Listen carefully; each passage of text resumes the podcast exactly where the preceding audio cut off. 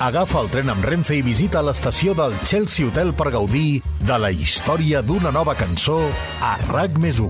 Amb Olga Suanya, el podcast on les cançons lliguen amb la història. Look, if you had one shot, one opportunity to seize everything you ever wanted in one moment,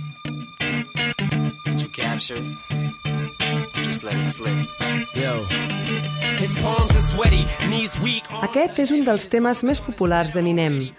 Des que va començar la seva carrera a mitjans dels 90, aquest raper i productor discogràfic s'ha situat entre els més grans d'aquest estil musical. I això que no ho va tenir gens fàcil, ja que el terreny del rap i el hip-hop històricament estava dominat pel col·lectiu d'artistes afroamericans.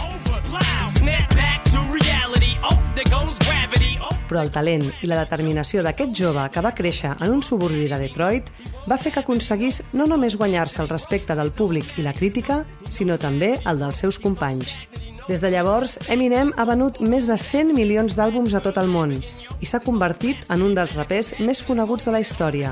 La seva música és tot un referent i, com comprovarem en aquest capítol, és també inspiració i motivació per a persones destacades de disciplines ben diferents a l'artística. Avui al Chelsea Hotel ens llancem a la piscina amb Lose Yourself.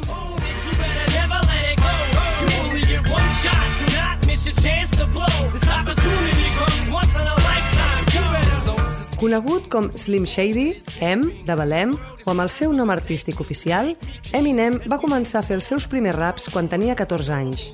Va créixer en una família desestructurada, rodejat de violència i discriminació, i enmig d'aquest entorn hostil, la música es va convertir en una via d'escapament i autoafirmació personal. Des de l'inici, va destacar per la rapidesa i la capacitat d'improvisar, dues qualitats que fan brillar encara més la seva desbordant riquesa de vocabulari i l'excel·lent dicció que el caracteritza.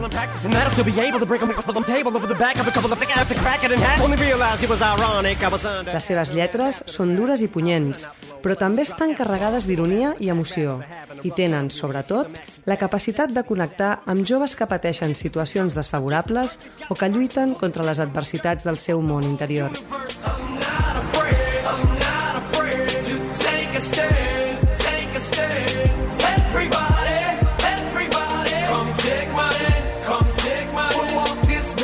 L'actitud valenta i desafiant de la producció lírica d'Eminem és present a la majoria de les seves cançons i, com no podia ser d'una altra manera, també es fa evident a Lose Yourself.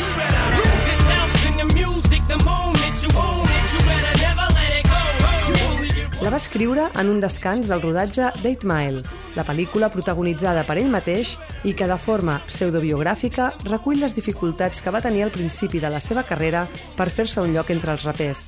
En aquesta cinta de 2002, dirigida per Curtis Hanson, Eminem dona vida a B-Rabbit, un jove deprimit que treballa en una fàbrica metal·lúrgica però que lluita per redreçar la seva vida canalitzant les seves frustracions i anels a través de la música rap. El tros de paper on va escriure els versos del tema apareix en una escena de la pel·lícula en què el personatge interpretat per Eminem pren notes mentre viatja en un autobús. Un full que uns mesos més tard va ser venut a eBay ni més ni menys que per 10.000 dòlars. La composició resultant d'aquell exercici inicial i que finalment es va incorporar a la banda sonora d'Eight Mile va ser un èxit des del moment de la seva presentació i aquell mateix any va ser guardonada amb l'Oscar a la millor cançó original. And the Oscar goes to. Woo! The Oscar goes to Eminem, Jeff Bass, and Luis Resto for Lose Yourself from 8 Mile. Però aquest no va ser l'únic reconeixement que va rebre Lose Yourself. Poques setmanes després del seu llançament, l'estiu del 2002, el tema va arribar al capdamunt de les llistes musicals dels Estats Units i no hi va haver cançó que la desbanqués durant 12 setmanes. Es convertia així en el senzill de rap que més temps s'ha mantingut com a número 1. De fet, actualment segueix sent la cançó de rap més escoltada de tots els temps. A Spotify compta amb més de 1.000 milions de descàrregues i a YouTube supera ja els 1.500 milions de visualitzacions. Però més enllà de l'efecte aclaparador de premis, vendes, descàrregues i reconeixements, Lose Yourself, com tantes altres cançons d'Eminem, té un component motivador i inspiracional molt potent que ha estat clau per a diferents persones, com és el cas del nedador Michael Phelps. Des que amb 7 anys va començar a nedar com a teràpia per controlar la seva hiperactivitat, Michael Phelps va tenir clar que el seu medi natural era l'aigua. Als 10 va aconseguir el seu primer rècord nacional i després de 4 anys guanyant a totes les categories per edats, als 15 va classificar-se pels Jocs Olímpics de Sydney, sent el nedador més jove que ho assolia.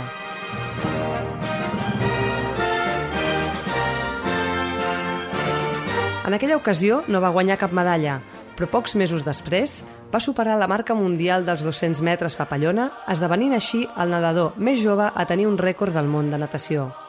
A partir de llavors, Phelps no va parar de rebentar cronos i guanyar títols, signant una trajectòria esportiva excepcional que culminaria el juliol del 2012, quan als Jocs de Londres es va convertir en l'esportista que amb més medalles olímpiques s'ha penjat al coll.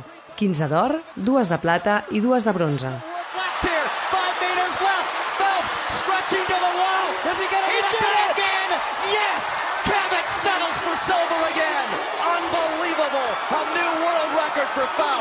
Però més enllà de les aptituds físiques i les hores d'entrenament invertides, com tota persona consagrada a una activitat tan exigent com la competició professional, Michael Phelps tenia les seves pròpies rutines de funcionament i elements de motivació.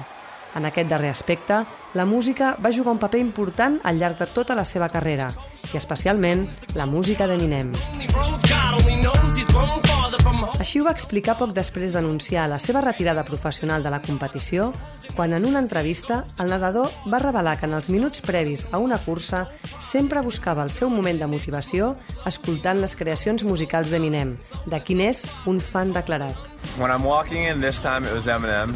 I went I went back to like 2003 Eminem, 2004 Eminem. D'entre tot el repertori del músic, Lose Yourself ha estat sempre un dels temes preferits de Michael Phelps i potser per això és la cançó que va triar el 2016 per imitar Eminem al Lip Sync Battle, un programa de la televisió americana on diversos famosos competeixen entre si amb actuacions on tenen el repte de cantar sincronitzant els llavis, fent el millor playback possible.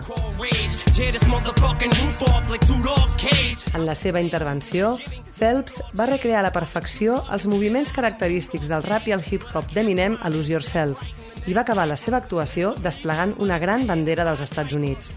La seva interpretació va ser aclamada no només pel públic del plató, sinó que els seguidors de Twitter van convertir-lo en trending topic aquell vespre. De fet, fins i tot el mateix Eminem va fer un comentari des del seu perfil on, bromejant, li va advertir «Espera que vegis la meva forma de nedar».